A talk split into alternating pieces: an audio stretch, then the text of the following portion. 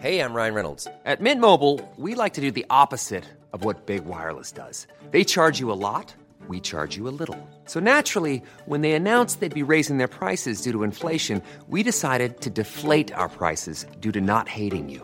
That's right. We're cutting the price of Mint Unlimited from $30 a month to just $15 a month. Give it a try at mintmobile.com slash switch. $45 upfront for three months plus taxes and fees. Promo rate for new customers for limited time. Unlimited more than 40 gigabytes per month. Slows. Full terms at mintmobile.com.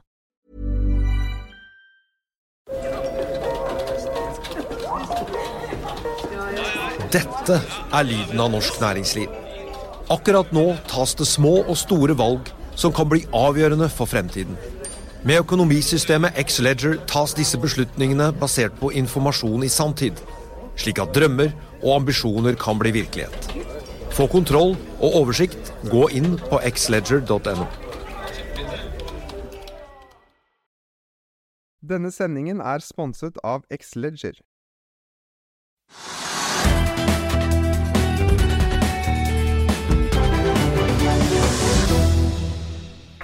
Det er eh, mandag 6. desember. Velkommen til Økonominyhetene. Vi skal ha besøk av en analytiker som både følger en rekke konsum og ikke minst eh, teknologiaksjer i dag. Men først skal vi ta en liten titt på markedet. For etter en flat utvikling samlet sett i forrige uke, så har hovedindeksen nå eh, deiset ned fra 1174 til 1169 poeng, eller rundt 0,4% Hovedindeksen var ned 0,7% på det meste rundt lunsjtider i dag, men har hentet seg inn igjen utover dagen. Oljeprisen er opp et par prosent eh, til 71 dollar og 80 cent i spotmarkedet, og nesten 3% hvis vi ser på den amerikanske lettoljen. Det betyr eh, bl.a. at aksjer som Equinor og Aker BP får seg en opptur i dag. Rundt oss i Europa så er det stort sett eh, grønt på de, flere, de fleste store indeksene, og det er litt blandet på futuresene på Wall Street, så vi får se hvordan den åpningen blir der om en times tid. Ellers er den store vinneren i dag mobilselskapet Ice, som er opp hele 20% Det har ikke kommet noen eh, nyheter fra selskapet, men eh, oppgangen gjør at eh, aksjonærene får seg en ja, liten pust i bakken, får vi vel si, etter det kraftige fallet vi så 18.11., da selskapet kom med både kvartalstall og en oppdatert finansiering og strategiplan. Ellers så er det litt nedgang i Rex Silicon og ikke minst Kahoot og MPC Container på listen over de mest omsatte aksjene i dag. Kahoot er ned 6,9 og MPC Container ned 5% og det bidrar til at hovedveksten holder seg eh, i rødt foreløpig, altså. Norwegian slapp eh, trafikktallene sine for november i dag, og for å være helt presis så var det 1 5380 som fløy med flyselskapet i november. Det er eh, selvfølgelig en kraftig oppgang fra november 2020, da det bare var 124 481 som fløy. Kapasiteten var over fem ganger så høy i november, og fyllingsgraden gjorde også et hopp fra 44,4 til 76,6 prosentpoeng. Norwegian hadde i snitt 49 eh, fly i drift i måneden måneden som gikk. Og eh, selv om enhetsinntekten økte med 14% til 42 øre per settekilometer, så endte billettinntektene på ja, rundt 220 millioner kroner under oktober, på 603 millioner. Det, da kommer altså frakt og morsalg og andre ekstrainntekter på toppen. Avinor har, har, i tillegg sluppet sine passasjertall for forrige uke i dag. og Ser man på utviklingen, så er antall passasjerer nå totalt 34 eh, bak 2019. Det er eh, en liten forverring fra de to foregående ukene, hvor vi har sett at man har ligget eh, rundt 26-27% bak utviklingen før pandemien. Ellers så tar vi med at mobilselskapet Nortel signerer en kontrakt med gründerne i eh, nettbrettselskapet Remarkable, og NRC Group melder om at Ole Anton Gulsvik blir ny finansdirektør i selskapet fra 1.3. I tillegg så har eh, CO2 Kapsol nå formelt sendt inn søknaden om å bli notert på Euronext Growth.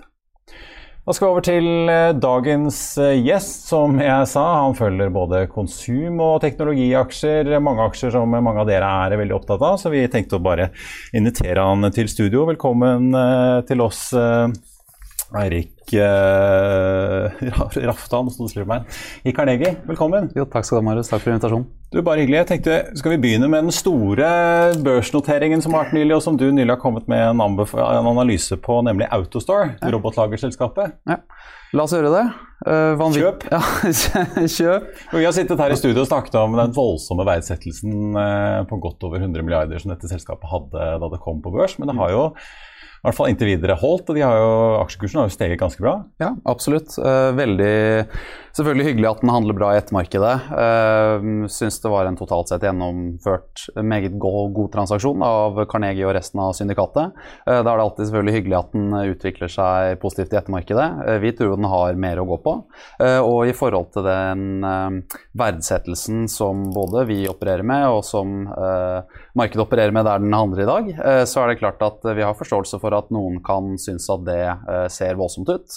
men Samtidig så opplever jo vi at Autostore er eh, virkelig en frontrunner i en hypervekstkategori. Da. Og veldig mye av grunnen til at vi er såpass positive til dette caset langsiktig, eh, det er egentlig basert på feedbacken vi hører hos sluttkundene deres. Eh, om det er Boost, om det er XXL, om det er Ikea eller masse, masse andre globale, veldig gode navn, så er jo egentlig feedbacken vi får at hvis ikke Autostore allerede er det i dag, så er de i ferd med å bli, kall det default, da, løsning for de som ønsker å automatisere varelagrene sine. Ja, for jeg har sett uh, Amazon kjøpte opp uh, det heter vel Kiva Systems, dette amerikanske uh, selskapet som har noe Det har en litt annen løsning. Ja, det er sånne roboter som kjører på gulvet og løfter opp disse lagerrackene. Mm. men likevel, du mener at du står, de er helt i tet teknologisk mot disse amerikanske og andre konkurrentene? Absolutt. Jeg skal være veldig ydmyk overfor Amazon. de er fantastisk dyktige. Eh, de har nok en litt andre behov enn det kanskje snitt snittvarelageret har.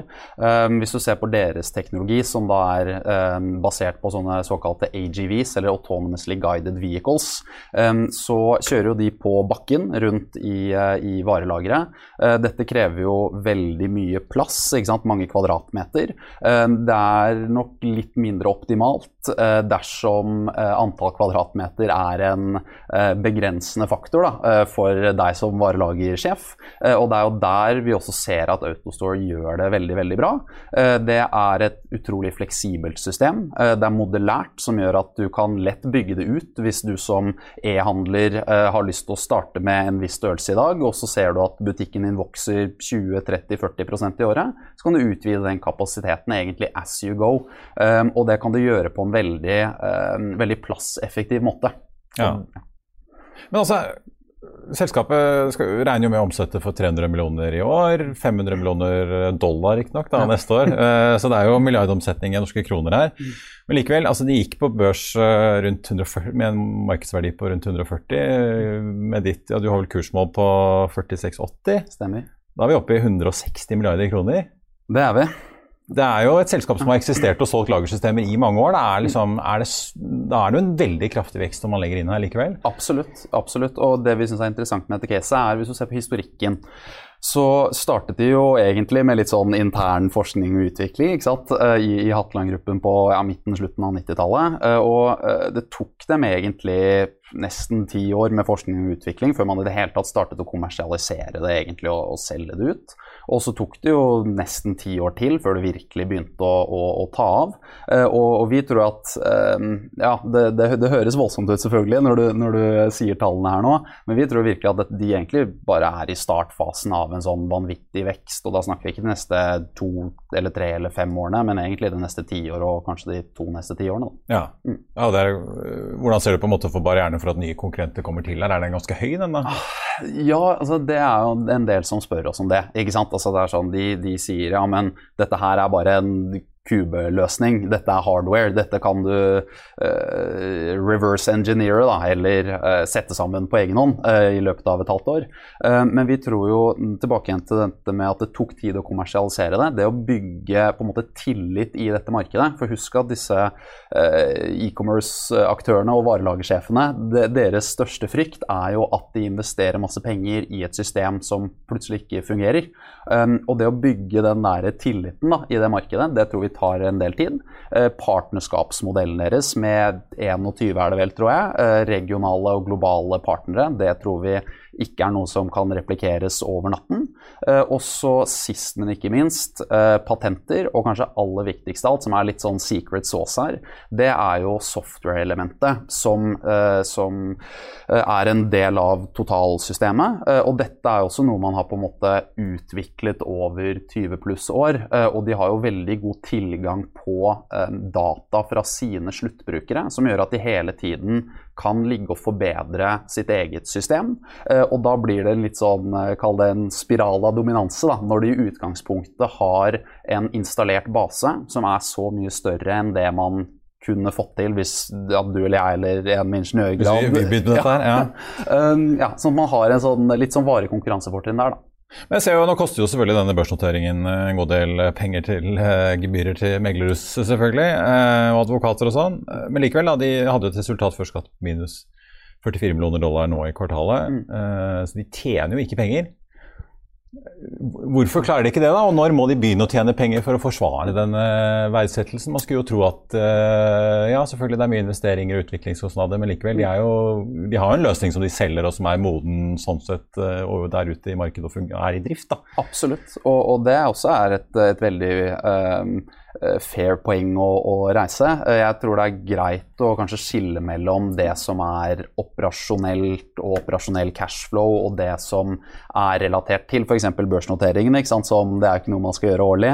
Um, uh, I forhold til uh, at man, man gikk på børs også med den gamle eierstrukturen, at der ligger det en del kostnader i forbindelse med å på en måte bryte opp det og gjøre det til et, uh, til et børsnotert selskap. Der ligger det en del eh, one-off-kostnader. eh, Og der mener jeg jo at selskapet også har vært eh, ganske tydelige og flinke til å kommunisere hva som er eh, sånne ikke-gjentagende kostnader, da, og, og hva som kan man altså, hva man kan se av ikke bare justert, da, men også rapportert og, og reell eh, Reell inntjening. Men når må den skje, da? Så som, altså, som analytiker når du ser på et sånt selskap, når eh, må de begynne å tjene penger neste år, liksom? Eller tre-fire år frem i tid? Ja, jeg vil jo si at de operasjonelt allerede tjener godt med penger i dag. Um, og det er jo det vi legger til grunn både neste år og i 2023 og, og, og årene fremover.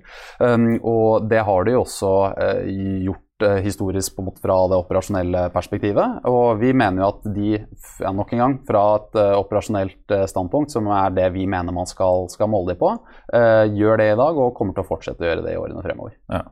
Skal vi se hvor eh, mye aksjen skal opp. Nå ligger den vel på en eh, drøye 40, så den har vel en femkroning omtrent eh, drøye til å gå på. Vi må snakke litt om Meltwater, et teknologiselskap som du følger. De driver jo med analyse, overvåkning av sosiale medier, nyhetskilder og annet. Eh, de er også i kraftig vekst og tjener jo heller ikke penger sånn per dags dato, men de er ute og skal kjøpe tilbake egne aksjer. ser. Hvorfor, hvorfor gjorde de det, tror du? Nei, jeg tror eh, fra deres perspektiv så handler det nok litt om å vise tilliten til eh, sin egen vekst, tilliten til skalerbarheten på forretningsmodellen. Eh, hvis du ser på aksjekursen, så er det kanskje fair å si at eh, markedet kanskje ikke eh, helt er på samme fot som, som de. Eh, så de tenker vel at det, det er en måte å, å vise, vise confidence da, på at, at dette kommer til å skje, eh, og at de sånn sett har lyst til å vise at de er trygge på det inn i, inn i neste år. Men er det, altså jeg så, jo de, de har jo virkelig vært på den der vekst- og ESG-bølgen på børsen. De var jo på en topp på 69 kroner her i januar. Nå ligger de på en 25 omtrent. Ganske brutalt for eh, aksjonærene, den eh, reisen der siden um, i løpet av året, da. Eh, men er det, er det liksom et tegn på at eh, ja, investorene tror ikke så mye på case at de er ute og driver med den type ting. Vi ser jo ofte selskaper som er ute og låner penger for å betale utbytte for å drive opp kursen sin. Absolutt. eh, Og det jeg tror har vært en utfordring da, til caset, det har vært at i IPO-prosessen så lovet man jo på en måte to ting. Det var jo at veksten skulle komme tilbake igjen, og det skulle komme tilbake igjen på ålreite marginer.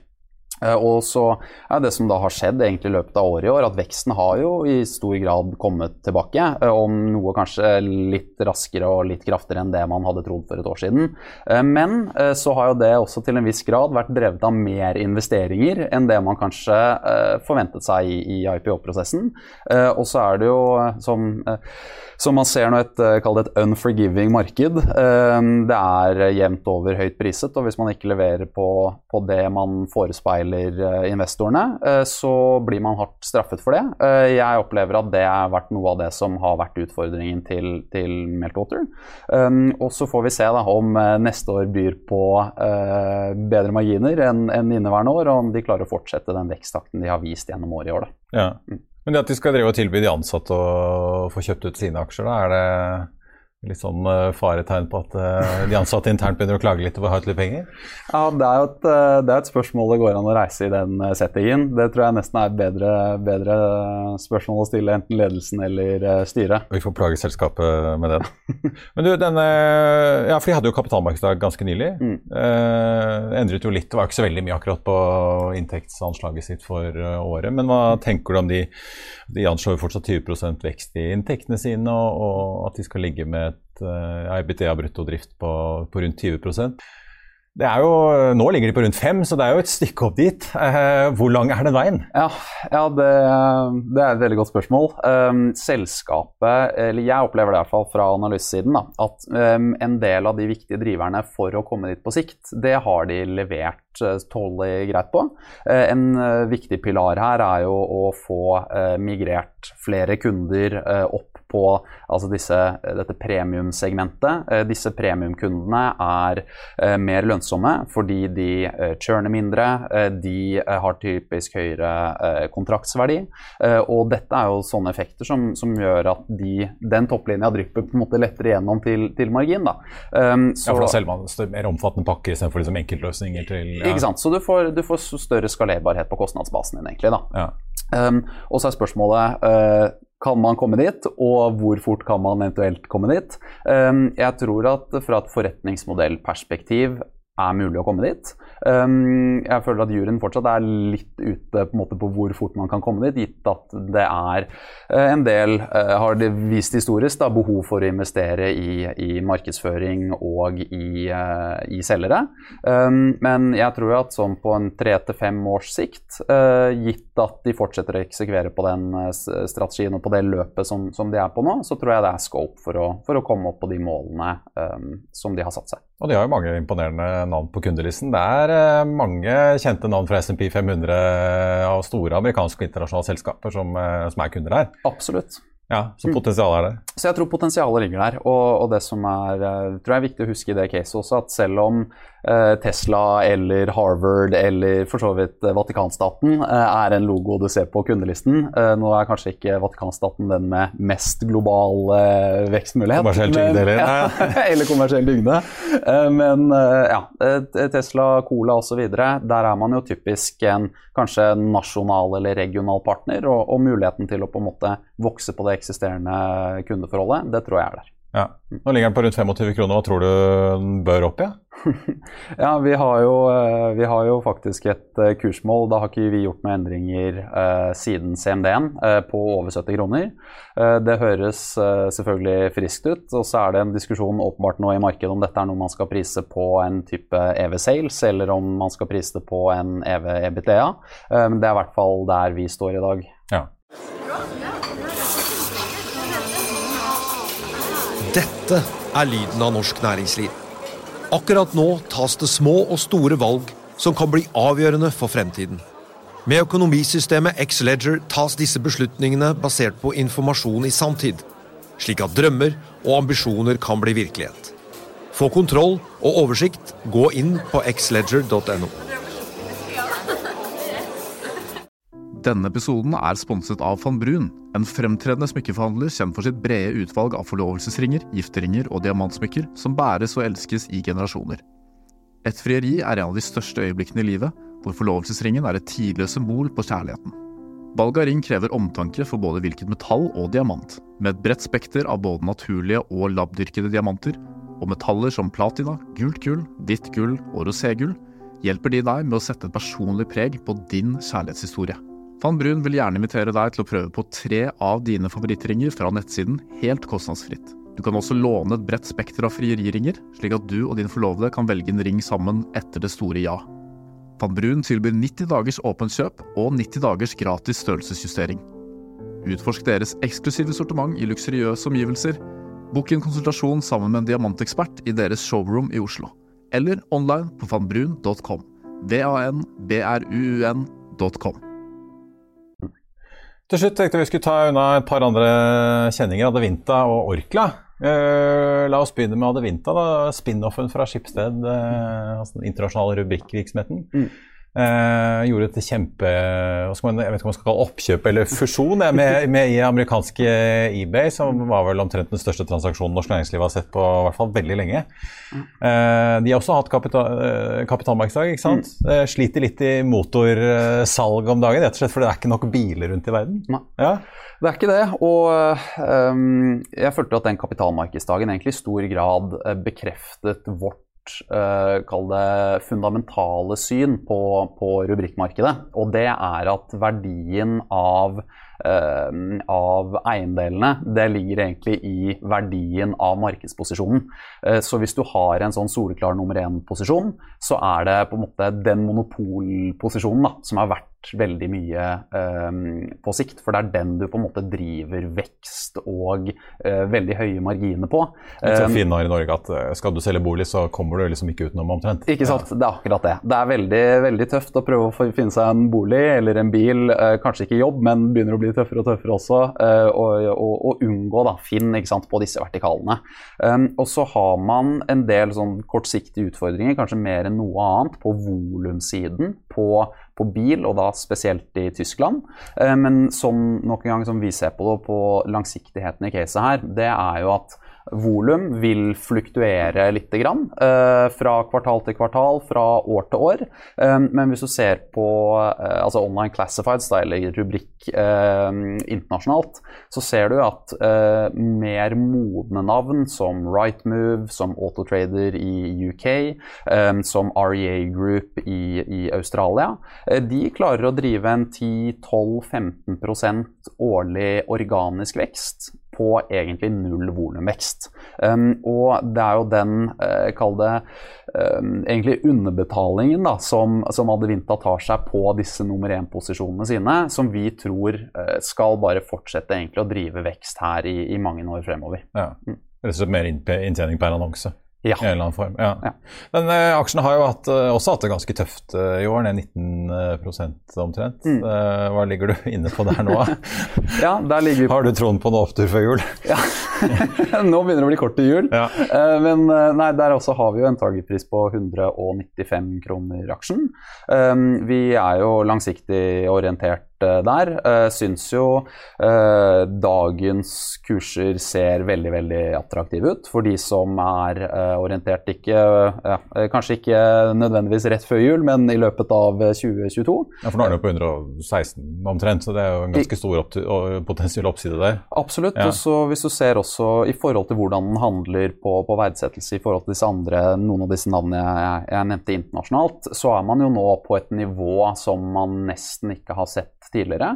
Eh, Dette har på en måte i alltid vært en aksje som har, har handlet en del høyere enn sine internasjonale peers pga. Eh, høyere potensial både for topplinjevekst og EBTA-vekst. Eh, jeg mener at det potensialet fortsatt er der, eh, og jeg opplever jo ikke at det i veldig stor grad er reflektert i verdsettelsen. Til slutt, eh, Orkla, konsernsjef Jan Ivar Semlitsch var jo ute på deres kapitalmarkedsdag her eh, for ikke så veldig lenge siden og snakket om eh, at vi vil ha en mer dynamisk tilnærming til vår portefølje, som han sa, sitat. hvordan tolker du det? Er det, er det liksom disse 42 prosentene sine i Jotun de skal selge, eller er det noen merkevarer Ja, tror, jeg, innenfor liksom hus og hjem og mat som de skal selge, eller hva, hva tror du det ligger i det? du, jeg, tror, jeg tror a bit of both, egentlig. Um, man har jo hatt en reise her nå i nesten ti år hvor man har rendyrket Orkla som et uh, på en måte tydeligere og tydeligere BCG- eller FMCG-selskap. Um, det er jo egentlig bare to assets som er igjen, som er, kall det non-core, da. Og det er Industrirelatert, ja, ja, eller eller, det, liksom, ja, ja. ja, eller ikke merkevarer, Ja. eller sånn som selges i dagligvarebutikk. Da. Eh, Eller konsumeres av, av den gjengse nordmann eller svenske eller eh, i, resten av deres geografier. Og det er jo Jotun, og det er hydropower, altså kraftvirksomheten deres. Um, og eh, jeg tror Jotun selvfølgelig kan være en mulighet, hvis du ser på det som skjedde i Finland med Tikkurilla. For en, en tid tilbake så er det nok ikke mangel på beilere der. Men så er det jo også noen andre som har en finger med akkurat i Jotun-spillet. Så får vi se, se hva de tenker. Eh, men jeg tror også det gjelder utvider eh, merkevareporteføljen deres. Eh, at de blir enda litt mer spisset rundt de største merkevarene sine. Eh, og at de fokuserer og legger enda litt mer trykk bak de. Eh, for Orkla det er et fantastisk eh, veldrevet eh, selskap. Um, men de er jo en veldig stor fisk i en liten dam. Um, og uh, da kan det kanskje være greit å, å trimme noe av halen uh, på, på Brands-porteføljen. Ja. Og kanskje det kommer noen flere oppkjøp i nett- og out of home-kategorien, som de så fint kaller det. Som, nå som folk er ute og spiser mye mer enn man har gjort før. Absolutt. I hvert fall nå som det er en av tre viktige vekstpilarer i årene fremover også. Ja. Nå ligger den jo, ja, har jo deiset ned i sommer fra 90 til 80 kroner eh, aksjen omtrent. Hva, hva, hva, tror du? Nei, jeg syns jo Hvis du tenker Orkla sånn litt i lys av hvor børsen står også, så er det jo egentlig en aksje som har vært så å si flat nesten de siste to årene. Børsen har jo ruset bra i, i, i samme periode. Nå på verdsettelse handler den godt under sine internasjonale peers, og du kommer inn i et 2022 med høyst sannsynligvis bra prisdrevet vekst. Man har vært ganske tydelig på at man har fått uh, input-kost-inflasjon, og dette ønsker man å ta uh, ut videre til da, deres kunder og i sluttenden deg og meg. så jeg tror jo på en relativt attraktiv verdsettelse. Ikke sånn, hvis du ser i det større bildet, strukket mot børsen overall. og så har du en del positive triggere inn i, inn i neste år, hvor jeg tror de kommer til å levere en vekst som også er høyere enn det de eh, guider på på en måte i et, i et normalår. Da. Ja.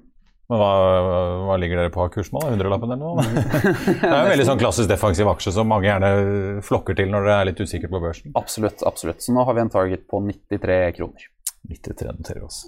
Eirik Rafdal i Karnegie, tusen takk skal du ha. Tusen hjertelig takk for at jeg fikk komme. På tampen av sendingen så skal vi ta med at eh, Atlantic Sapphire kommer med en månedlig oppdatering nå klokken 16.30 i dag. Det blir også en webcast fra selskapet klokken 17.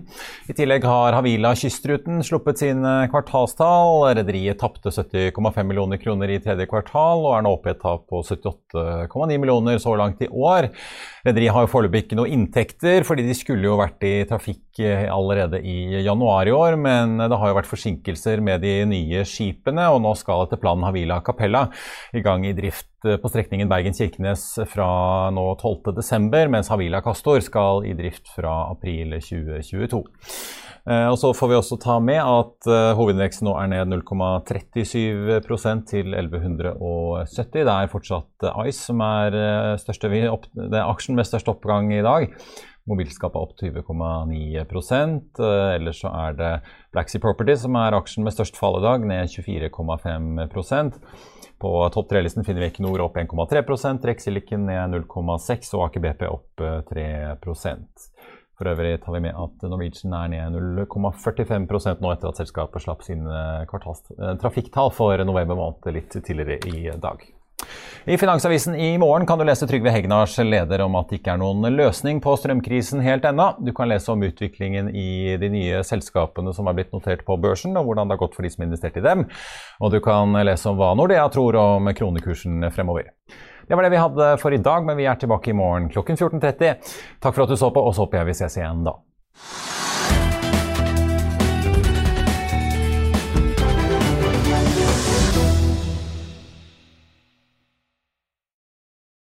Denne sendingen er sponset av Xleger. Økonominyhetene er en podkast og videoproduksjon fra Finansavisen. Programleder er Marius Lorentzen. Aksjekommentator er Karl Johan Molnes. Produsent er Bashar Johar. Podkast- og videoansvarlig er Marius Mørk Larsen. Og ansvarlig redaktør er Trygve Hegnar.